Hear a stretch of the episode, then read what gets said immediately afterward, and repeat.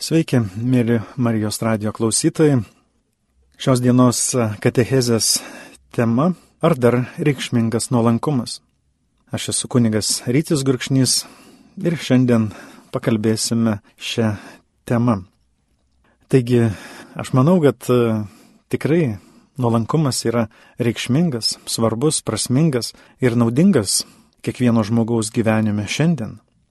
Jėzus sakė, Kas iš jūsų įsigeis būti didžiausias, bus jūsų tarnas, ir kas panorės tarp jūsų būti pirmas, bus visų vergas. Šiais Evangelijos pagal Morku žodžiais Jėzus mums primena, kad siekdami būti didžiausia, siekdami būti sėkmingi gyvenime, siekdami kilti aukščiau ir įvairiose gyvenimo srityse, mes pirmiausia turime ugdyti nuolankumą ir pripažinti, kad ne viską galime pasiekti savo pastangomis, kad esame riboti, kad esame Dievo kūriniai, kad kiti žmonės irgi siekia savo tikslų ir kad jie irgi nori būti laimingi.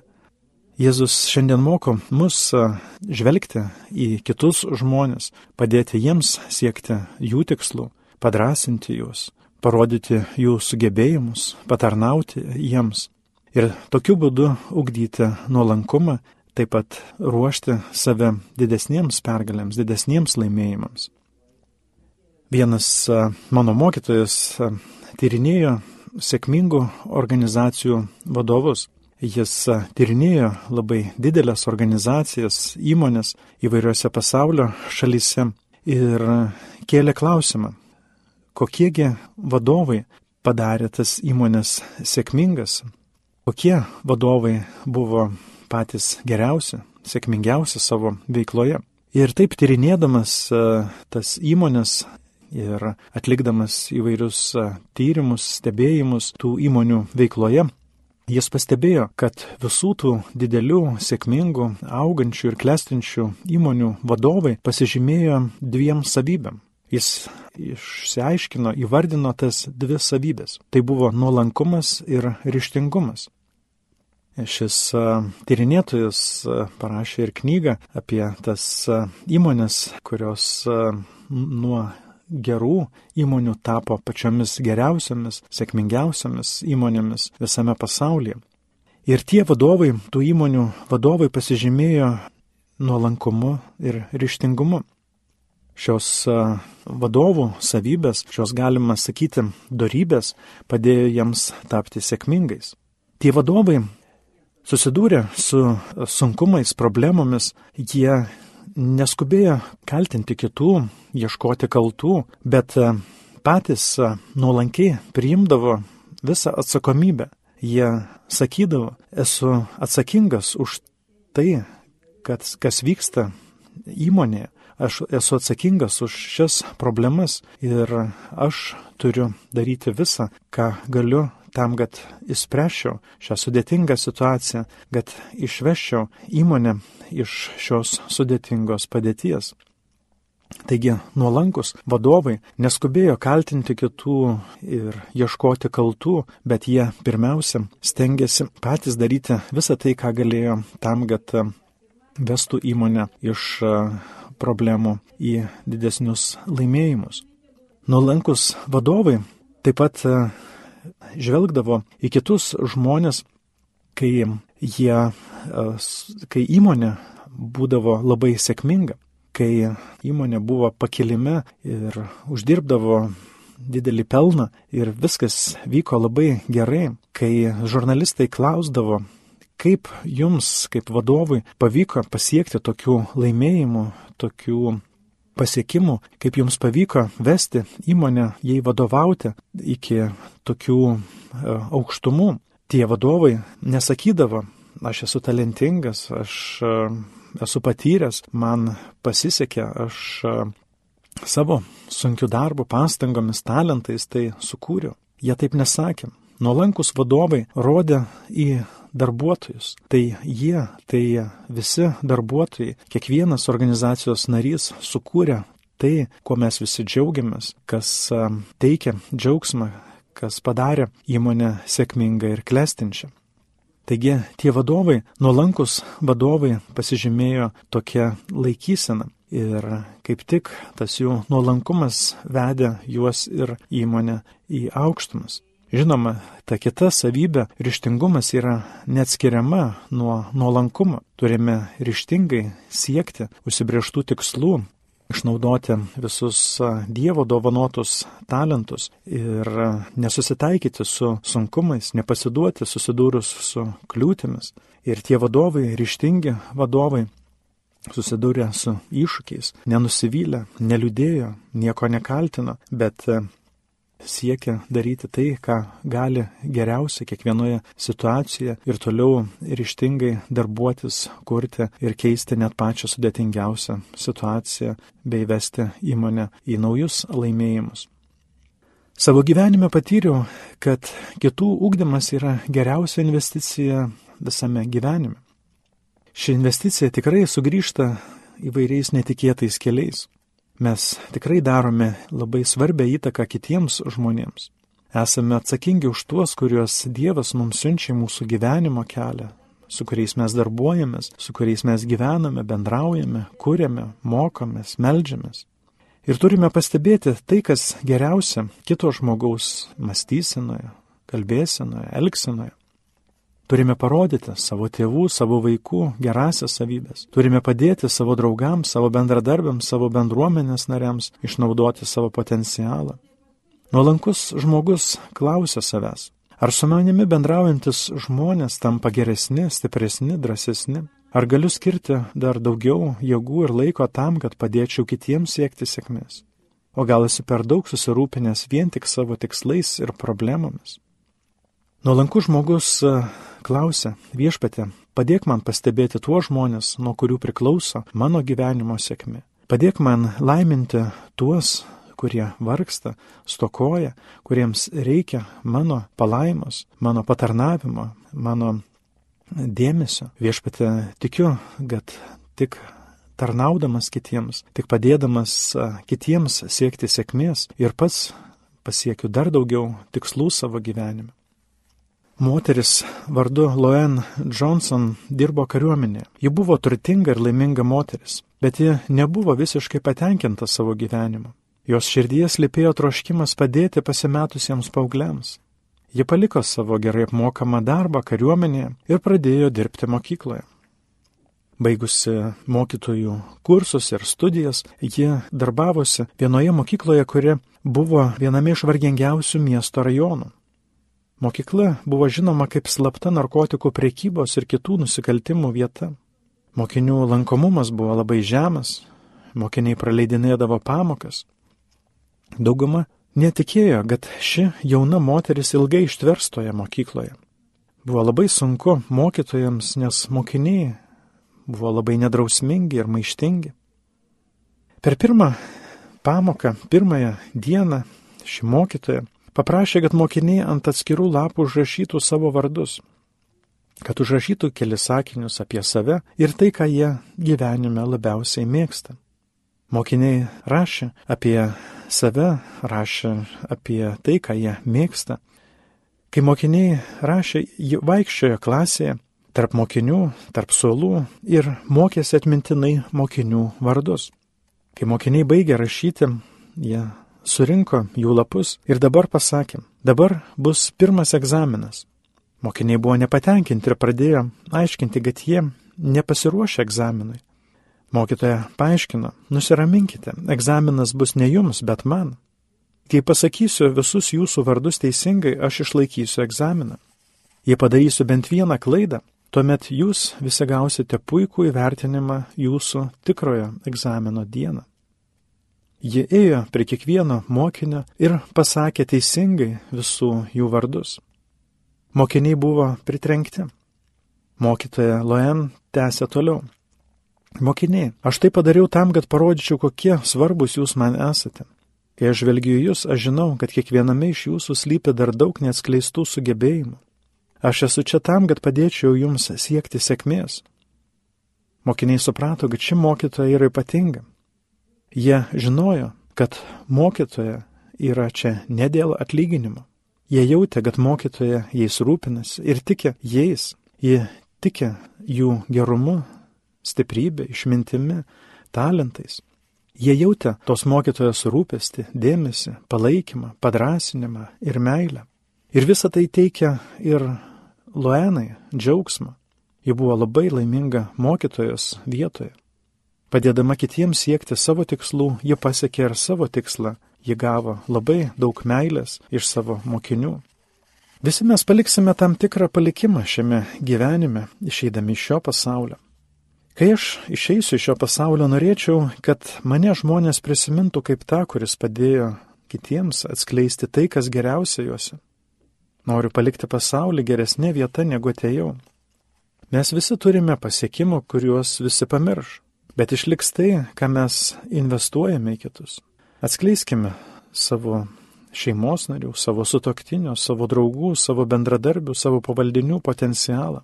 Padrasinkime juos, pakilėkime jų dvasę aukščiau, įkvėpkime kitus išnaudoti gautus talentus ir sugebėjimus, gyventi tą gyvenimą, kuriam jie sukurti. Kuo dažniau klauskime, kieno gyvenimą galiu pagerinti, kam galiu padėti siekti sėkmės, ką galiu padrasinti šiandien, kam galiu padėti išnaudoti savo sugebėjimus, nugalėti kliūtis.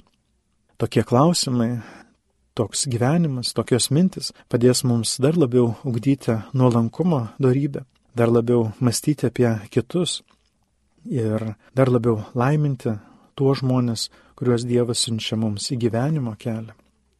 Jėzus sako, duokite ir jums bus duota.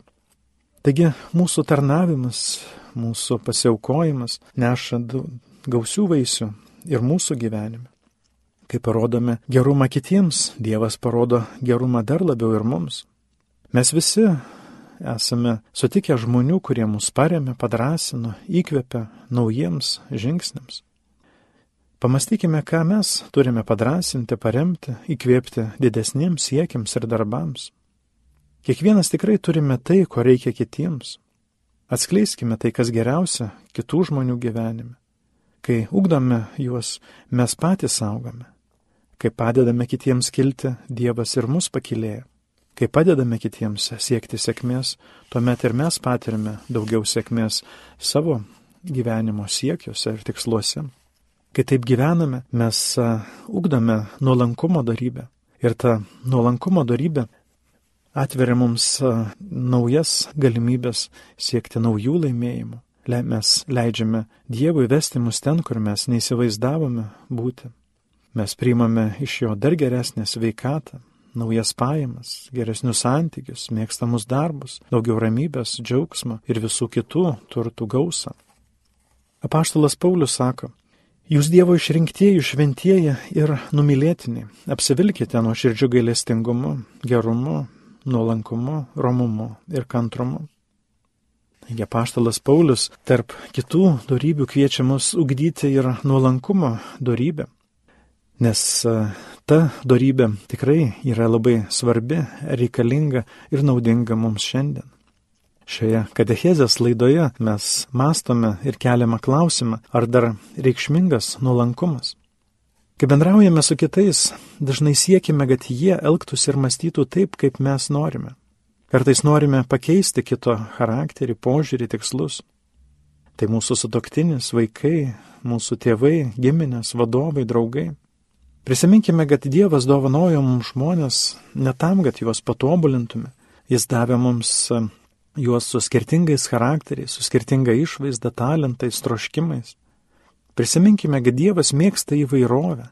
Tikrai jis sukūrė kiekvieną žmogų unikalų, nepakartojamą. Niekada nebuvo ar nebus tokio paties žmogaus kaip mes, ar bet kuris kitas žmogus, su kuriuo mes šiandien susitinkame. Ne mūsų užduotis teisti, kaltinti, kritikuoti. Mūsų užduotis padrasinti, melstis už juos, rodinti jiems gerą pavyzdį. Kai mes tengiamės pataisyti kitą, mes kūrime įtampą, konfliktus, nesėkmes ir net lygas. Kai norime daugiau ramybės, džiaugsmo, sveikatos ir sėkmės veikloje, turime leisti žmonėms būti savimi. Tai reiškia, turime ugdyti nuolankumo darybę. Viena jauna pora po santokos labai rūpinosi vienas kitu. Žmona nuolat pastebėdavo vyro kūrybinius sugebėjimus. Tu turi talentą, tavo tapyba yra ypatinga, tu turi nepakartojimą stilių, tu sukursi pačius nuostabiausius kūrinius.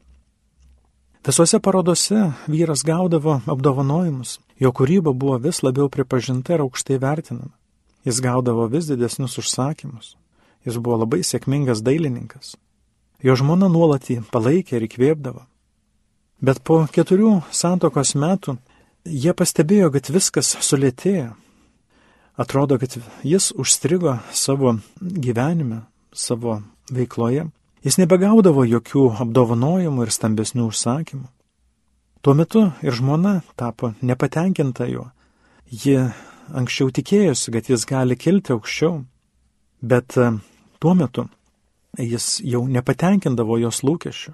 Jie nusivylė jo talentu, jie jo nebedrasino, nebepalaikė, nebe, nebeikvėpdavo jo sunkiu metu. Po dviejų metų jie išsiskyrė. Taip nutiko, nes jie abu stengiasi pakeisti vienas kitą. Gal ir būtų situacija susiklošiusi skirtingai. Jeigu ji būtų ir toliau jį drąsinusi, padėjusi jam tuo sunkiu metu, tuo sunkmečiu jo veikloje, kai jis susidūrė su iššūkiais, sunkumais savo darbe, savo kūryboje. Kiekvienas turime neribotą galę, kuri gali padaryti neįtikėtiną įtaką kito žmogaus gyvenime. Mūsų elgsena, mūsų požiūris tikrai daro labai svarbę įtaką kito žmogaus darbams, jo savijautai, jo talentams, jo kūrybiniams gebėjimams. Mūsų kritika, mūsų pamokymai, patarimai dažnai prisligia juos. O mūsų atidumas, pagarba, padrasinimas, palaikymas, net ir sunkiu metu gali juos ypatingai aukštai pakilėti, padėti jiems ištvermingai ir toliau darbuotis, kai jie nemato jokių teigiamų pokyčių. Mūsų žodžiai, mūsų mintis, mūsų elgsena gali padėti jiems ne tik ištverti sunkiu metu, bet ir toliau darbuotis ir tikėti geresnė ateitimi. Jei norite, kad jūsų vyras, jūsų žmona ir jūsų vaikai būtų geresni, mąstykite apie juos teigiamai. Primkite juos, gerbkite juos, net ir tuomet, kai jie jūs nervina, kai jie jums labai nepatinka. Sakoma, padaryk savo žmoną karalienę ir ji padarys tave karaliumi. Pastebėjau tokį dėsnį gyvenime. Žmonės keičiasi tuo greičiau, kuo mažiau mes juos kritikuojame savo mintise, kuo daugiau gerų dalykų išvelgiame juose ir apie tai kalbame, tuo greičiau ir tie žmonės keičiasi.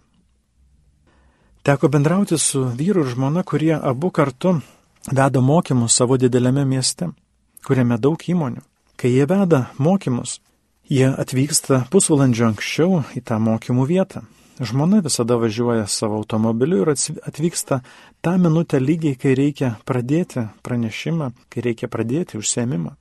Anksčiau vyrą Tokia situacija labai nervindavo. Jis nuolankiai mokė ir siekė pakeisti jos įpročius. Tačiau jis pastebėjo, kad per daugelį metų jų bendro darbo ji niekada nepavėlavo. Jis um, ją priimdavo, pradėjo priimti ją tokią, kokia ji yra. Ji, žinoma, nepasikeitė. Bet jo požiūris į ją pasikeitė, jis ją ir toliau gerbė, ją myli, ją drąsina, priima ją tokią, kaip kokia ji yra, kaip nuostabiausia Dievo kūrinė.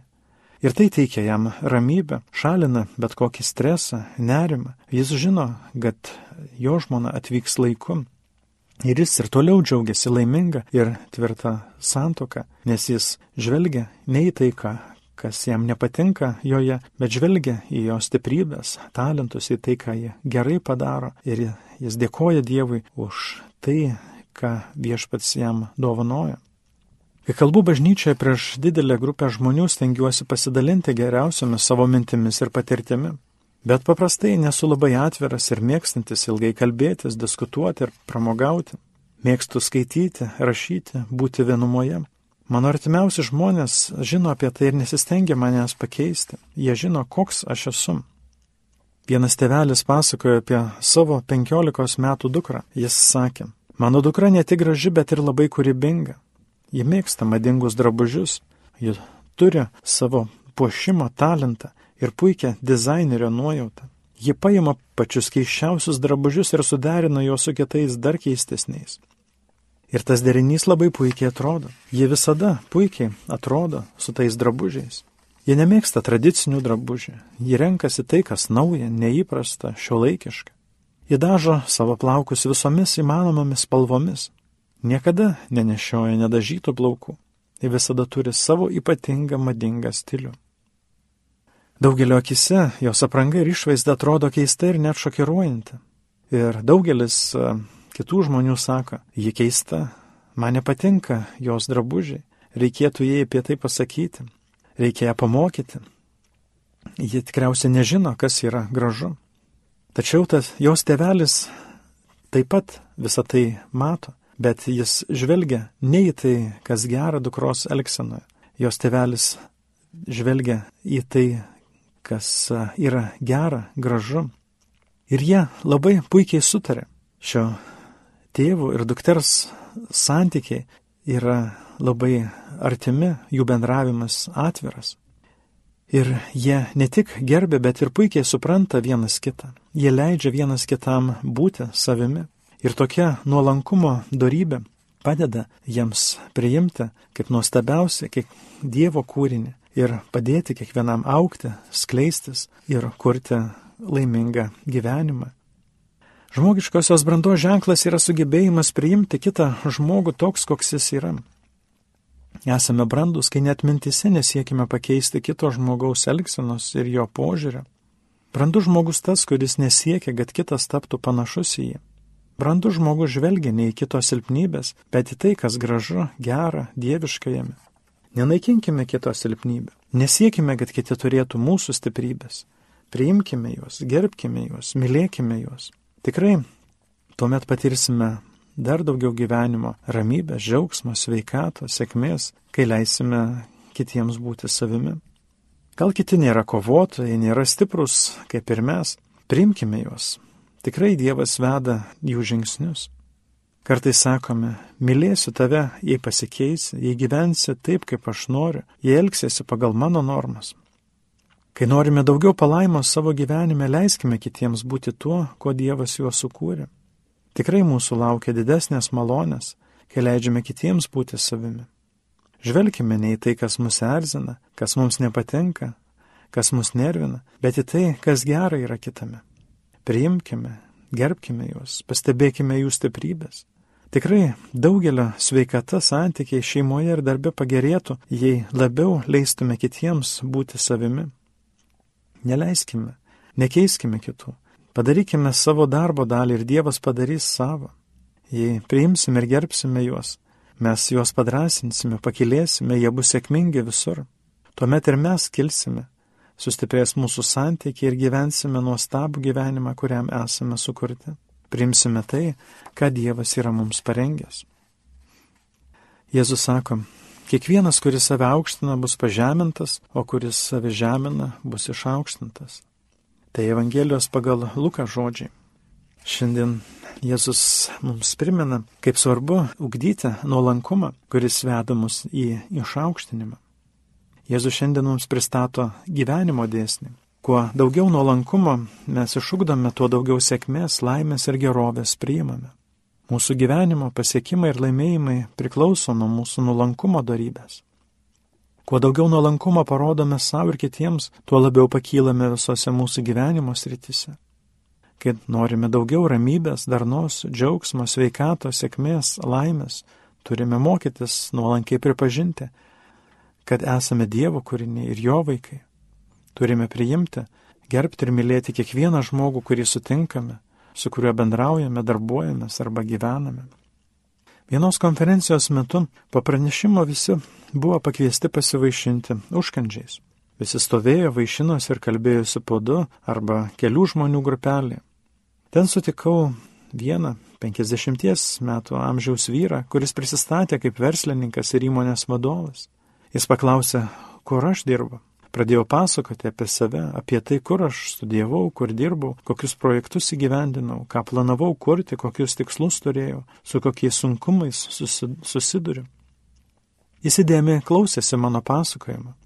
Po dešimties minučių jis, jis nuėjo pasikalbėti su kitais. Vakare grįžau namo ir kitas kunigas paklausė manęs, kaip man sekėsi renginio metu. Atsakiau jam, kad kalbėjau su vienos įmonės direktoriumi. Tačiau turėjau pripažinti, kad nieko apie jį negalėjau daugiau pasakyti, nes neskyriau laiko jo paklausti, jį išgirsti, jo pasiklausyti. Visą pokalbio laiką vien tik kalbėjau aš apie save. Tuomet jaučiausi labai blogai, kad nieko nesužinojau apie jį. Visą laiką išnaudojau parodyti tai, kas aš esu, ką nuveikiau ir pasiekiau. Tuomet suvokiau, kad to pokalbio metu siekiau vien tik save išaukštinti. Tikriausiai esate patyrę panašių situacijų savo gyvenime, kai siekiate save išaukštinti.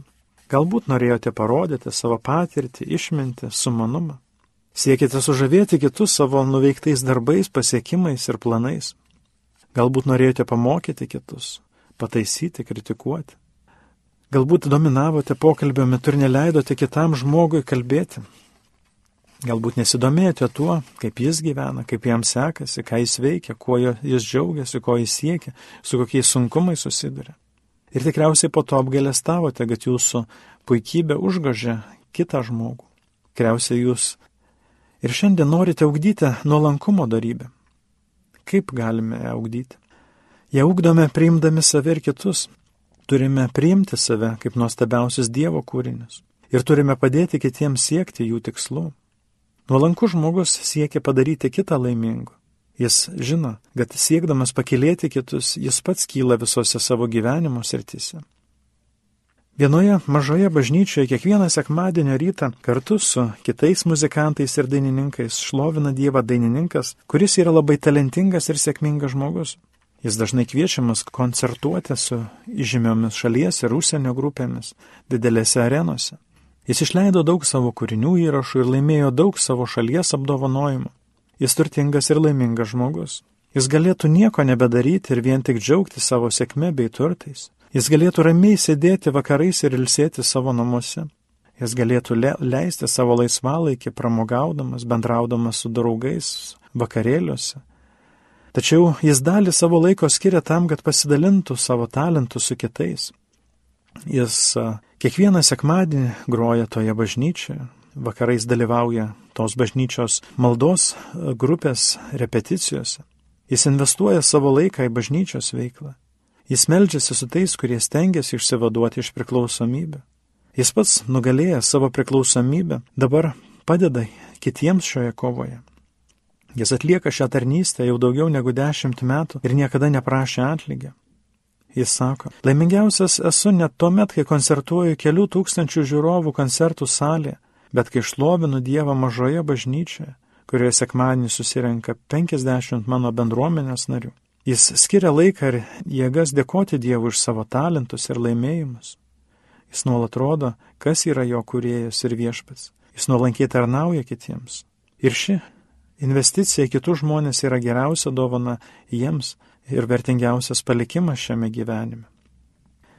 Aš pats esu labai laimingas ir sėkmingas žmogus, nes visada stengiuosi padėti kitiems siekti jų tikslų. Visada savo mokymuose siekiu padrasinti kitus, pasidalinti savo patirtimi, pakilėti kitų dvasę, sustiprinti jų tikėjimą, padėti jiems atskleisti jų vidinę stiprybę, talentus, ugdyti jų ištvermę ir atsparumą sunkumuose. Kai dalinu tai, ką turiu geriausia, aš visada gaunu dar daugiau drąsos, patirties, stiprybės, ištvermės, atsparumo, džiaugsmo ir kitų dovanų. Kuo daugiau padėsite ir kit, jūs kitiems, tuo daugiau žmonių sutiksite, kurie ir jums padės. Kai padėsite jiems siekti tikslų, atrasite daugiau tų, kurie padės ir jums siekti sėkmės. Kasdien dalinkitės tuo, ką turite geriausia savyje. Suraskite tą, į kurį galite investuoti, Ugdykite nuolankumo darybę. Ugdykite šią darybę, kuri padės jums patirti dar daugiau laimėjimų, pasiekimų, laimės, sveikato, sėkmės. Prisiminkite, kas esate, kas jūs sukūrė, kas jūs globoja. Pripažinkite, kad esate palaiminti, apdovanoti, atpirkti, išlaisvinti, sustiprinti. Pastebėkite, kad visą tai, ką pasiekėte, ką sukūrėte, padarėte ne, ne vien savo pastangų dėka, Pripažinkite, kad Dievas nuostabiai viską tvarkė ir vedė jūs į tas pergalės laimėjimus, jums dovanojo visą tai, ko troško jūsų širdis.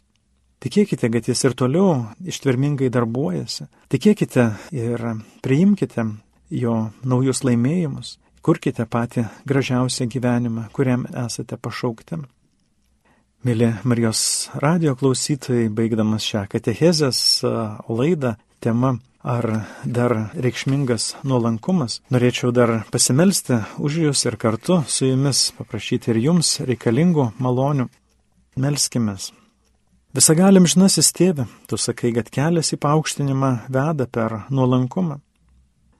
Tu sakai, kad esame apdovanoti, palaiminti, tam, kad laimintume kitus, kad padėtume jiems kurti sėkmingą, turtingą ir laimingą gyvenimą. Viešpati dėkojame, kad pasiekėme didelių aukštumų ir mes norime kilti visose gyvenimo srityse. Viešpati, tu žinai, ko trokšta mūsų širdis. Tu dovanoji mums mūsų sielos troškimus, mūsų širdies tikslus ir svajones. Tu sakai, kad laimingi tie, kurie skiria laiko tarnauti kitiems, padėti kitiems būti sėkmingais, siekti jų tikslų.